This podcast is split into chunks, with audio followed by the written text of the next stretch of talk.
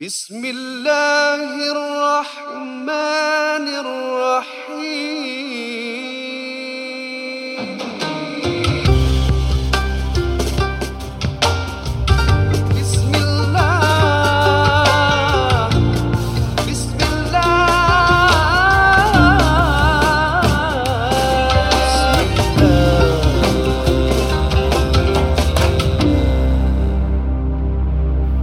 Bismillahirrahmanirrahim. Alhamdulillah. Wassalatu wassalamu ala asyrafil anbiya al mursalin wa ala alihi washabihi ajma'in. Ya Allah ya Tuhan kami ampunilah dosa-dosa kami, dosa-dosa mereka yang sedang mendengar, jauhkanlah mereka daripada mudarat, jauhkanlah mereka daripada uh, balak bencana, dekatkanlah mereka Kita dengan syafaat Nabi dan Nabi Muhammad sallallahu alaihi wasallam. Semoga dalam mana kita mendengar NG kali ini dapat manfaatnya. Amin. Kita panjang kita doakan panjatkan kesyukuran yang mana kita diberikan peluang untuk hidup lagi di dunia ini. Ya Allah. Alhamdulillah. Dan juga bersama yang berbahagia Ustaz Muhammad Uzhan dan saudara-saudari yang kami muliakan. Maafkan saya terbatuk pula. Oh, ya. Dan NGO ini mengajak anda melakukan ibadah akikah. Yang mana ibadah ini adalah ibadah sunnah yang digalakkan oleh Nabi Yuna Muhammad sallallahu alaihi wasallam. Yang mana kita memanjatkan kesyukuran kita yang mana anak-anak kita dilahirkan dan didoakan agar anak-anak kita menjadi anak-anak yang soleh dan juga soleha. Amin. Ini Amin. adalah Amin. setiap keinginan ibu dan ayah, saudara-saudari yang kami, kami muliakan. Amin. Dan sebab itulah digalakkan juga kita melakukan ibadah akikah 220 dolar sahaja muslimin muslimat yang dirahmati Allah sekalian. Allah. Dan untuk tempahan dan untuk tempahan lungsurilah laman ini www 3w ya www.ngu.sg garis miring. Ya garis miring bukan garis yang lurus tapi garis miring shop. Jadi inilah masanya untuk kita memanjatkan kesyukuran kita muslimin muslimat yang sedang mendengar di mana saja anda berada. Di dalam MRT di luar MRT tapi jangan di bawah MRT kerana ia mudaratkan diri anda. Ya di bawah MRT apa kejadahnya di bawah MRT jadi sama-samalah kita Aku pernah pakai ke, apa kejadah tau. Aku aku nak marah dengan bos. Oh, bos radio. Itu maki ya dik eh. Oh, serius Tak eh? boleh guna. Ha? Asal tak boleh? Apa kejadah tak? Ya, tak boleh. Aku pernah. Apa kejadahnya ni? Terus. Dik jangan, jangan pakai apa kejadah eh. Ini maki tau. oh, ya, ya, Ya ke? Kan radio. Ah, tu lah.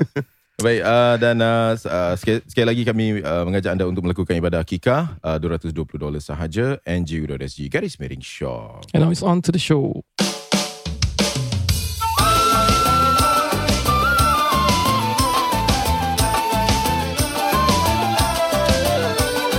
Jangan segan dan malu, marilah mendengar NGU Ajak kawan-kawanmu menjadi pendengar berilmu Jangan segan dan malu,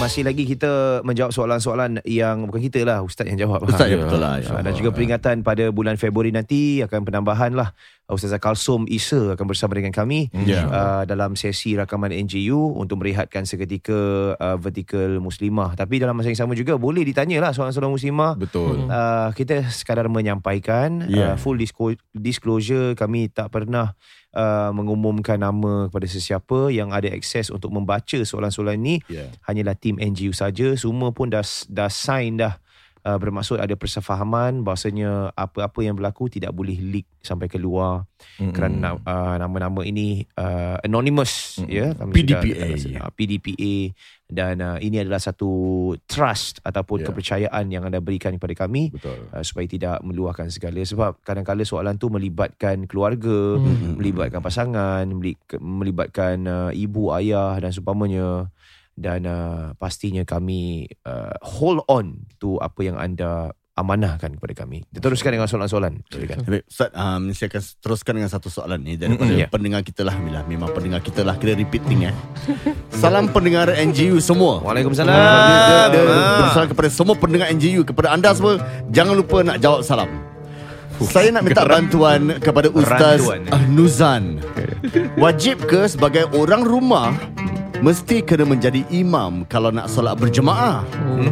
Saya rasa annoying bila saudara isteri saya atau lagi-lagi pakcik-pakcik dia, Ya. dia orang bila ajak solat berjemaah sama-sama, lepas tu suruh saya orang rumah ni untuk jadi imam.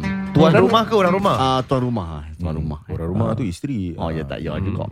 Kenapa orang rumah hanya diklasifikasikan sebagai isteri?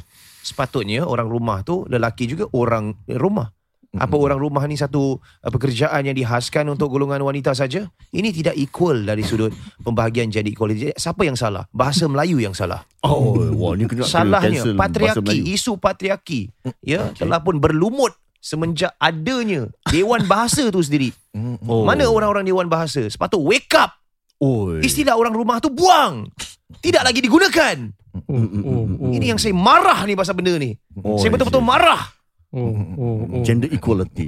Dari sudut bahasa eh. Ya, orang Ya. rumah tu tak, tak boleh digunakan lagi istilah ni. Yalah, Ibarat dia dikongkong dan tidak Sudah dapat o- sudah obsolete. Tidak ada gunanya dalam masyarakat kita. Yalah. Jadi bermaksud kalau dia kata macam uh, ni ni orang rumah saya. Hmm. Ha, jadi untuk isteri pun boleh cakap juga ini orang rumah saya juga. Ah. Ya, boleh gitulah. Jadi isteri patut nak kena cakap balik. Oh, ni Ayah pun abang pun orang rumah juga. Yalah sama-sama orang rumah lah macam gitu. Ya, ya, Oh, ya. betul. Ya, banyaklah kerana ibu jari Hmm. kan. Ah, Kenapa ibu jadi? Ha. Oh, ibu jari. Ya, betul. Ha, kenapa tak Kenapa ayah ni? jadi? Ha, Uh-uh. Mana jari yang bergerak ayah? Kenapa jari dalam lima jari ini hanya seorang ibu saja? Tak Apa? fair. Mana tanggungjawab sang ayah? Sudah pun keluar daripada keluarga keluarga jari? ha? Mana tanggungan dia? Nafkah dia diberikan kepada jari-jari ini? Oh, ya ya. ya. Ibu negara. Bertanya. Bertanya pada diri kita. Ah. Apa ini ibu jari? Sedangkan saya pernah dalam satu episod, satu podcast yang pernah kena cancel dahulu. Hmm. Saya saya naikkan isu uh, pemanggilan burung kakak tua. Hmm. Burung kakak tua ni, bagaimana boleh tangan burung abang tua? Tak boleh tu pasal Kerana kalau jantina ikut jantina burung kakak tua ni, dia ada dua jantina. Burung kakak tua yang yang lelaki yang jantan. perempuan Dan yang jantan dan betina. Hmm. Jadi kenapa walaupun yang jantan dipanggil burung kakak tua, Hmm. dan kenapa kakak? Di manakah abang? Sepatutnya kalau betul kita nak memartabatkan gender equality, patutnya panggil burung tua saja. ah. Tapi itu pun ada masalah ageist. masalah ageist.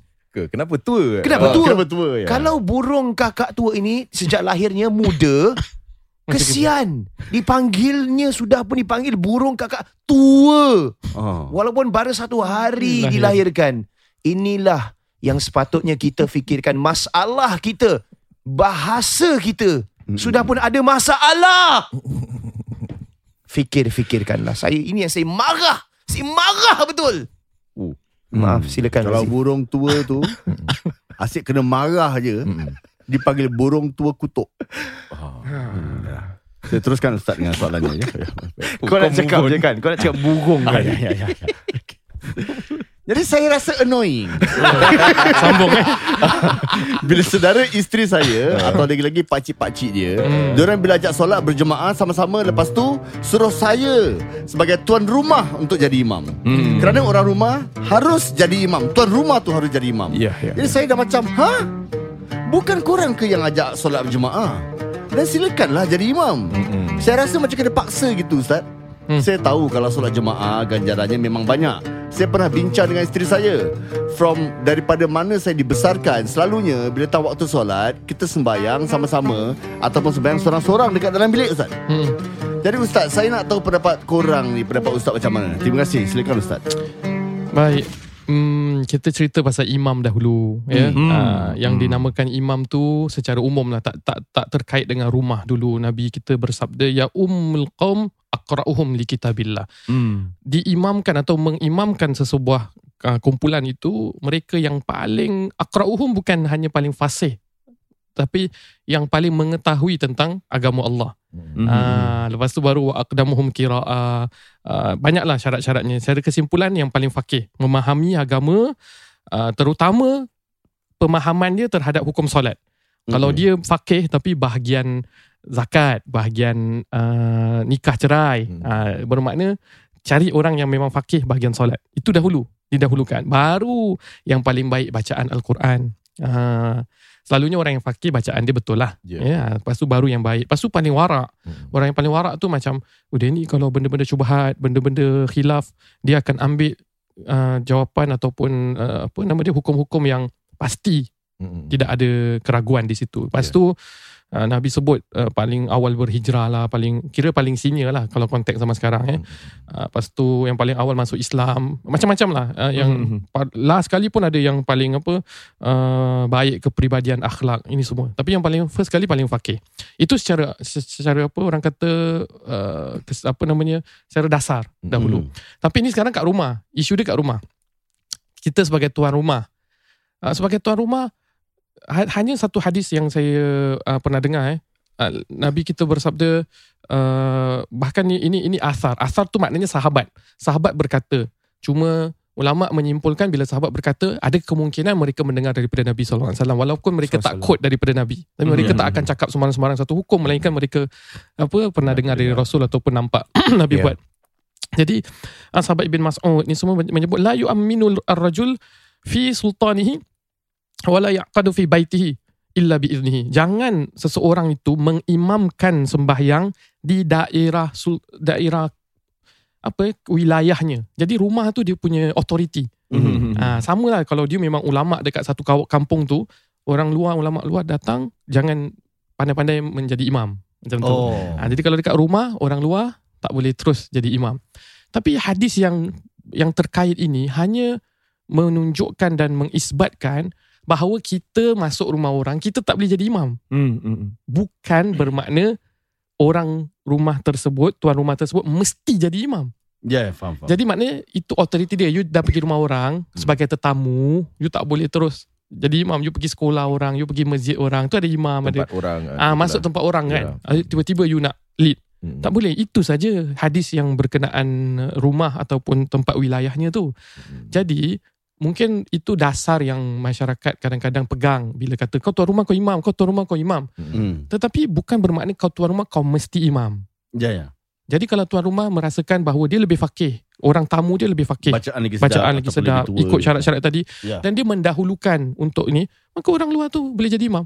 Hmm. Ah, jadi dia bukan wajib, bukan galakan, bukan sunnah untuk tuan rumah jadi imam, tetapi dia adab agar orang luar tidak hanya masuk dalam rumah tersebut dan kemudian dia nak jadi imam. Hmm. Melainkan kalau tuan rumah tu sendiri yang mengisyaratkan atas sebab-sebab kalau memang bacaan dia lagi bagus, lagi ag- agamanya lagi faham, Hmm, dia kedepankan saya sebagai tuan rumah. Now saya suruh awak ke depan ini hajat saya ke depan. Which I think personally that is that will be my response lah. Ya, kalau ya, kepada orang yang lebih senior you you olah sikit bahasa. You kata no lah pak cik apa saya apa dah biasa jadi imam de- dengan family kat sini ni awak datang kita pun nak berkat you jadi imam Hmm. you lebih faham Ya. agama you lebih ni silakan ke depan Ya. Ah itu itu cuba gaya bahasa untuk yang pak cik-pak cik pula jangan paksa orang tu dah tak nak jadi imam Hmm. sampai dia bingit kan dia kata apa Ya. Ah, dia cakap annoy. annoying Ya, ya, ya. Ah, jadi jadi bingit tau Ya. Ya. kau tuan rumah kau imam Kau tuan rumah kau imam Jadi dia, alamak bingit sih Kan aku Kalau boleh nak semayang Aku tahulah ni rumah aku Tapi setiap kali aku gini Macam jadi mesti pula Hmm. Dia tak jadi mesti Dia cuma Orang luar Tidak boleh pandai-pandai jadi imam Sebagai adab ha. Jadi dia sebagai tuan rumah Dia berkuasa Cuba budi bicara yang baik Untuk suruh pakcik-pakcik kita ke depan Dan kalau kita pergi rumah orang pun Kita sebagai orang Apa Pergi rumah orang pun Kita kalau nak seorang imam tu Jangan sampai paksa-paksa lah Yalah. Saya Ya, li- lihat lebih kepada positif lah kalau pakcik-pakcik ni dia suruh tuan rumah. Mm-mm. Uh, di kalangan macam uh, kenalan saya selalunya yang pakcik-pakcik yang jadi imam. Yalah, Ha, tunjuk skill. Ya. Tak ada, tak ada. Tak lah, maksudnya dia nak jadi Gerak-gerak. ya, ada macam uh, unwritten rule lah yang Ya. paling berusia Betul. mereka lah jadi imam Betul. dalam, dalam my circles lah Betul tapi dah bagus juga sebab jarang saya pernah mengalami situasi ni Mm-mm. yang mana kadang-kala ada juga sebagai orang muda ni kita nak tunjuk skill kan mm. Ha, contohnya uh, nak bertakbir eh, pada Eh, malam ya, raya ya, ya. best best kadang-kadang lead takbir tu rasa macam oh uh, rasa sense of importance Ya, ya, ya. kan ada rasa macam oh boleh melagukan certain things Ya. tapi tiap-tiap tahun si bapak saya je yang lead. Jadi saya macam eh bila aku punya turn ni kan. Ya, ya, Ah, ya. Ada rasa gitu juga. Jadi macam bagi saya saya lihat ni sebagai satu perkara yang positif. Pakcik-pakcik ni datang ke rumah dia Yalah. nak you yang imamkan. Ya. Wah bagus so sebenarnya you should celebrate that. Ya. Sebab ini peluang untuk uh, orang kata tu mendapat pahala dan Betul. juga uh, when you say dia nak you lead nak jadi imam tu bermaksud dia lihat you sebagai respect you. real leader tau. Ya. Ah you yang leader, you yang khalifah ni dalam Betul. benda ni kita datang sebagai sebagai makmum. I think that is fantastic. Betul. Jadi kita pun jangan fikir bers, jangan bersangka yang buruk bila Ya. bila pak cik dan lebih yang berusia ask you Hmm. jadi imam tu Mm-mm. it is with good intentions Betul. kita terima walaupun bacaan kita mungkin tak sebaik mereka ke apa tak apa maksudnya kita fight kita punya um, orang kata tu insecurities mungkin saya faham uh, bila disuruh jadi imam tu kita takut eh bacaan kita ni macam mana ni dah lah tak betul nanti doa ni aku nak baca apa nanti apa pak cik aku judge ke apa tak Ya, apa ya, tak ya. apa Ya. Maksud dia dah gitu Itu langkah you pertama Mungkin hari ni You imamkan pakcik-pakcik Esok lusa Mungkin ada uh, Apa Family gathering ke apa You akan imamkan lebih ramai lagi Betul. InsyaAllah And and kalau dia jadi imam, Mm-mm. mm pakcik-pakcik with that good intention dia jadi imam. Mm-mm. Dia ke depan kali dia tersilap ya, ataupun ya, terbaca apa-apa. Lepas tu pakcik dia macam world step tegur pun. Tak Aha. apa, tak kisah. Tak You, apa. anggap, you anggap tu sebagai oh bagus lah orang tua nak Ya, ajar aku ya. kan jadi imam. So ya betul I setuju dengan Zar on, on this. Nah, kita terima dengan positif Hmm. dan kita you know, ambil dia punya baik sangka uh, dan dan move forward. Uh, tadi saya minat dengan tadi yang Zar kata selalunya tradisi kita masyarakat Melayu yang lebih Hmm. tua ke depan. Ya, Ya. Kan? Uh, itu dalam hadis Nabi dah kategori nombor berapa kan lebih tua, lebih Hmm. uh, tapi kenapa orang kata lebih tua? Kerana bila Nabi sebut aqra'uhum bi kitabillah yang paling faham dengan agama Allah. Hmm. Jadi di antara kita mungkin takkan kita nak judge eh, kau faham macam mana, kau faham macam mana. Hmm. Tapi Hmm. selalunya yang lebih tua tu dia Kita lebih tengok faham. je dah boleh tahu lah. Ah, lebih faham, lebih banyak ibadah di Ya. sisi Allah Subhanahu Wa Taala. So Hmm. so relevannya tu adalah kenapa orang tua ke depan lah eh. jangan kita apa kata ah, ni kat sini ada orang tua, kat sini ada orang alim, biar orang alim. Betul juga orang alim tapi orang yang tua pun insya-Allah bab solat tu dia fasih dan dia faham juga. Ya, Ah, Jadi itu satu tradisi yang baik lah insya-Allah. Hmm. Mungkin ada soalan lagi Baik, Silakan. soalan seterusnya Salam NJU Apa tertib Hmm. Ni apa? Tertib dalal tu apa eh? Ah, dalal dalil actually dalal membaca surah ustaz. Apa tertib Hmm. dalal membaca surah selepas Al-Fatihah dalam solat? Bolehkah saya baca Oh, apa-apa dalam lah, surah? typo. Oh dalam, maafkan Oh. saya. Oh tu dalal dalam? adalah um, dalil dan juga halal Dalal Oh. Salah spelling ni. Dalam macam Boleh ambil ke jualan kan? Apa dia? Macam jualan beli lepas tu ambil dalal lah. Kira consignment lah. Oh, itu ada word dia. Memang ada word dia. Kan perkataan Melayu kan? Ada ke? Ha, kita ambil dalal je kan? Saya tak tahu Eh, pula takkan korang tak tahu? Saya tak Tak tahu. tahu. Saya saya bukan Al-Azhar Oh, oh. Itu oh. bahasa Ni Melayu. kena- Din, Tak tak, belajar. Tak belajar. Adin. Bab Apa dalal, da, bab dalal aku pergi main snooker. Eh, Oh, tak ada, tak ada, tak ada. saya kan NIE. Oh. oh, oh, oh. Saya NYP tak kena.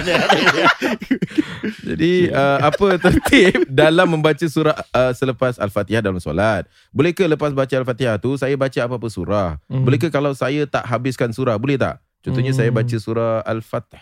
Oh, dia kira dia hafal surah Oh, terus, Al-Fatih. Al-Fat. Uh, ayat 1 sampai 3 je. Dia Bagus. tak habiskan.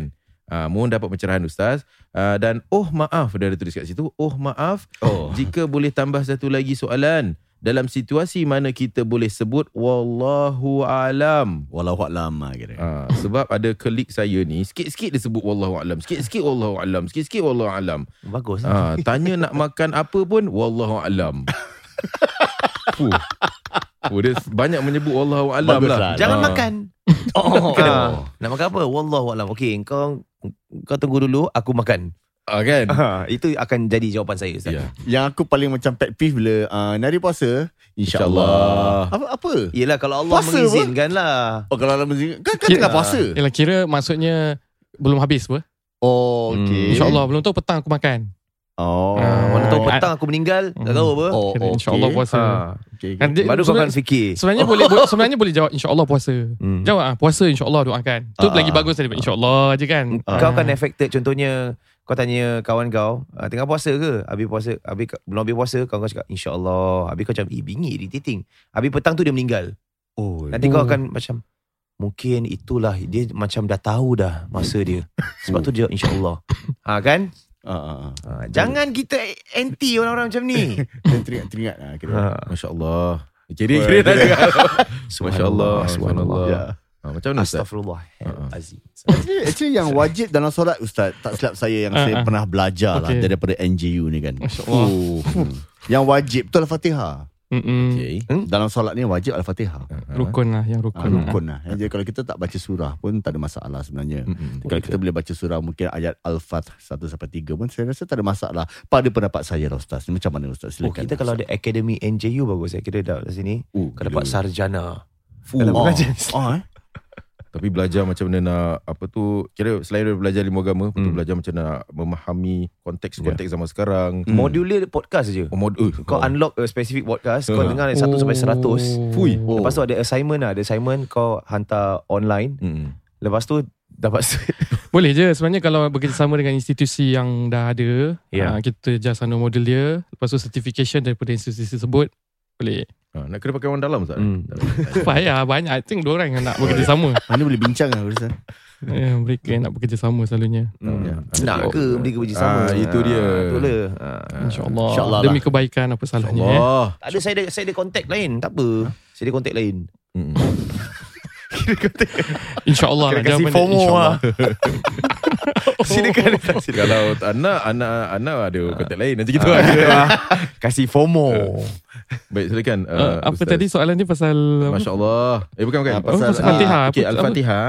Lepas Al-Fatihah, surah apa? Oh. Adakah nak kena ikut tertib ke ataupun kalau nak Hmm. baca tu baca uh, contoh Apa-apa surah boleh ke tak? apa surah macam baca contohnya lah Qul huwallahu ahad Allahu samad Hmm. Allahu akbar. Ah, Kira dia Oh, tak habis lah. baca surah tu. Ya, ya. Ni Basic lah I think Ah, ni. Yudin punya pandangan pun Apa Pak Yudin? Hmm? Hmm? Ya. Pandangan saya um, seperti mana yang telah pun dinyatakan ya uh, oleh yang berbahagia akhuna Ustaz Razi katakan Mm-mm. tadi memang Al-Fatihah tu rukun. Kau kena baca Al-Fatihah Betul. dia. Betul. Tapi uh, tak elok lah, tak cantik lah solatnya kalau InsyaAllah uh, itu tak cantik lah. Tapi Ya, kalau ya. macam dan tak salah lah kalau Betul. membaca tu membaca um, surah-surah yang tidak dihabiskan. Ah, dan maafkan saya Din eh. Ah, Piu Din, mak saya nak ingin mencelah sedikit. Mana daripada soalan yang saya baca ni yang tadi Ah. anda katakan tadi, Hmm. yang saya faham daripada beliau ni, beliau katakan um, apa tertib dalam membaca surah selepas Al-Fatihah dalam Ah. solat. Hmm. Bermakna bolehkah saya baca apa-apa surah? Bermakna Boleh lah. bolehkah dia baca apa-apa surah? Ataupun ada Baik. surah mungkin yang pertama kul ya ayyuhal kafirun dan yang kedua adalah kul huwallahu ahad. Haruskah ikut? Terima kasih Akhuna Madata. No worries Silakan ya. Ustaz. Macam Silakan, mana? Ustaz. Okay Jadi yang dasarnya kita dah dah persetujui dan jelas bahawa Fatihah merupakan rukun kauli yang perlu kita sebut sedangkan surah selepasnya bukan rukun tetapi sunnah. Itu jelas. Ya. Maksudnya bila kita baca mendapat pahala lebih sempurna bila tidak baca sah tetap solat kita. Mm-mm. Ya. Kedua, keutamaan. Kita jatuh bab keutamaan surah apa yang patut kita baca, adakah mengikut tertiban ataupun separuh daripada surah Hmm. ataupun surah yang penuh. Ah, Oh. ini yang kita nak berikan sed- sedikit pencerahan lah. Ya, ya. Ah, kan Nabi sallallahu alaihi wasallam uh, wasallam. yaqra'u fi rak'atain min az-zuhr wal 'asr bi Fatihatil Kitab. Nabi SAW kalau baca uh, waktu solat zuhur dengan asar eh, rakaat pertama yang kedua ni Ya. Nabi baca Fatihah wa suratin suratin wa yusmi'una al-ayah ahyanan dan Nabi akan baca satu surah satu surah. Uh, jadi maknanya mengikut uh, hadis Nabi SAW riwayat yang paling banyak adalah Nabi baca satu surah sempurna. Mhm. Mhm. Jadi di sini apabila kita nak buat satu kesimpulan walaupun ada riwayat yang lain Nabi baca sebahagian ayat qulu amanna billah wa ma unzila uh, apa sikit-sikit je ayat tapi secara lazimnya kalau ikut sunnah Rasul SAW Nabi akan baca satu surah yang komplit komplit lah jadi itu yang pertama keutamaan adalah surah yang komplit Mhm. Kedua, bila dah cakap pasal surah yang komplit, hikmah dia kerana satu surah itu dia akan melengkapi sebuah cerita dan ayat tu tidak tergantung kalau kita hanya potong di tengah-tengah. Mhm. Itu yang kedua. Ketiga, daripada rakaat pertama dengan kedua, boleh tak kita rakaat yang pertama baca surah yang dekat belakang-belakang, lepas tu rakaat kedua baca surah kat depan-depan. Hmm. Ah, walaupun sah sembahyangnya tetapi ikut tertib dia diturunkan ataupun dia diatur dalam al-Quran lebih baik kerana ulama dan sahabat sebahagian riwayat menyatakan Nabi sendiri yang mengaturkan tertib-tertib surah Al-Fatihah, Al-Baqarah, Ali Imran, An-Nisaul Maidah, Al-An'am, Al-A'raf tu semua tertib-tertibnya maka kita lebih tertib membaca ikut urutan seperti mana Al-Quranul Karim diturunkan. Maknanya Mhm. rakaat pertama kalau Al-Falaq, rakaat, rakaat kedua An-Nas. Oh. Ah, pasal dia datang kemudian. Ya, Ya, ya. Ah, jangan rakaat pertama An-Nas, rakaat kedua Al-Falaq. Hmm. Tapi sah tak sembahyang? Sah. Pasal kita tengah bincang tentang tertib keutamaan di dalam tajuk sunnah lagi. I see. Bukan rukun pun. Bukan rukun. Ah, ya. Jadi itu. Yang tu yang ketiga. Aha. Maknanya pertama sah sembahyang tanpa surah. Fatihah tu rukun. Kedua, ambil surah yang sempurna sebaiknya. Mhm. Ketiga, kalau ikut tertib jangan ambil surah yang ke belakang dahulu baru ke depan. Hmm. Faham. Ah, eh. Sekarang perbincangan yang keempat yang saya nampak kat sini dia ada cakap pasal surah apa? Al-Fatih. Al-Fat. Hmm. Kata inna fatahna laka fathan mubina liyunzirka lakum ma, ma taqaddama ma ta'akhkhara min dhanbik wa yutimma ni'matahu wa yahdika wa yahdika ila wa yahdika siratan mustaqima. Ah, Ini ayat tiga ayat. Jadi mungkin apa yang dia nak cakap tu apa yang saya faham lah eh. Hmm. Kalau apa-apa surah 1 sampai 3 tak payah surah Al-Fatih. Apa-apa surah 1 sampai 3 tiga ayat memadai. Hmm. Satu ayat pun sah. Cuma tiga ayat itu ulama kiaskan dengan surah yang paling pendek dalam Al-Quranul Karim iaitu surah Al-Kautsar. Al-Kautsar. Inna a'tainaka al-kautsar fasalli li rabbika wanhar inna syani'aka huwal abtar. Satu surah yang paling pendek. Hmm. Maka dengan tiga ayat ini dikiaskan banyak perkara. Salah satunya tiga ayat kita baca dalam solat mungkin mendapat pahala satu surah. Satu dikiaskan cabaran Allah Subhanahu Wa Taala untuk faktu bi suratin min mislihi wa du'un syuhadaakum. Datangkan satu surah seperti Al-Quran. Jadi maknanya cabaran Allah tu untuk datangkan satu surah seperti Al-Quran nak kena 286 ayat. Tidak. Tiga ayat sahaja Allah cabar.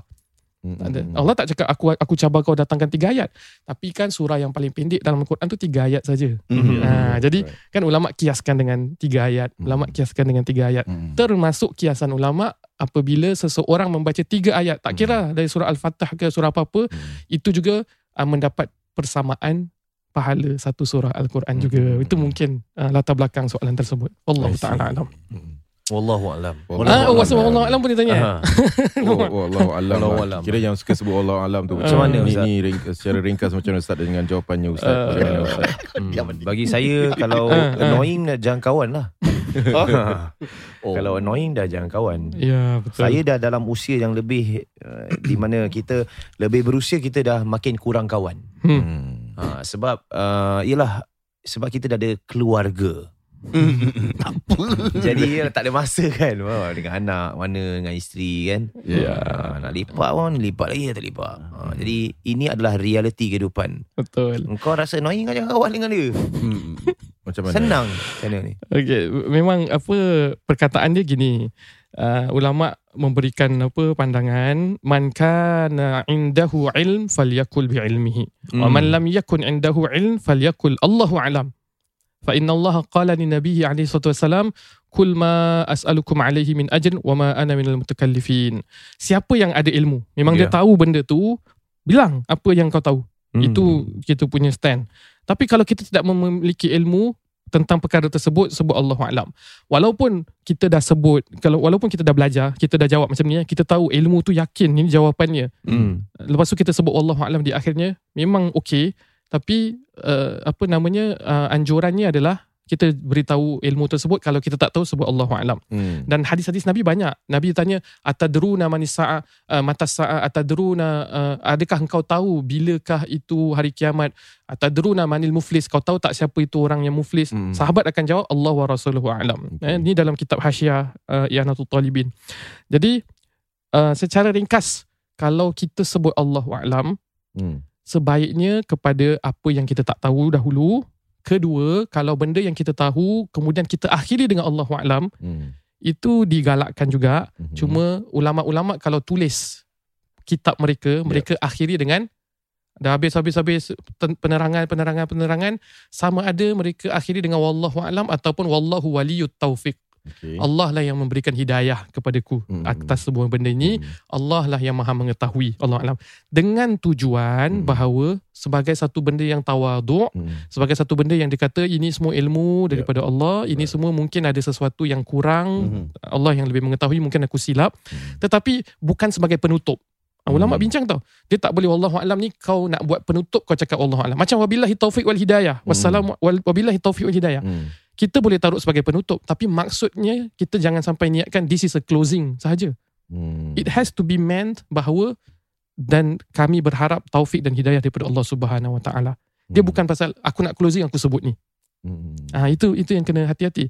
Aku nak closing aku sebut Allah alam. Tidak, aku mesti mean what I say. I must mean what I say. Hmm. Uh, wallahu alam wabillahi taufik wal hidayah. Jadi ulama-ulama setiap habis karang ilmu sebut Allah alam. Tapi kalau orang tanya nak makan apa, nak pergi apa apa apa, Jawab je lah. ah jawab je lah eh. Ah, dia tak adalah dosa tapi mungkin dia gurau ke apa tak tak jatuh dalam se- sebahagian hukum apa-apalah. Hmm. Um, dan juga perkataan insya-Allah lah. Kita sikit sentuh bab insya-Allah. Hmm. InsyaAllah tu maknanya apa-apa pun yang kita nak buat, kita akan katakan ini semua atas kehendak Allah SWT. Tapi kalau orang tanya puasa tak jadi puasa insyaAllah kan jawab. Hmm.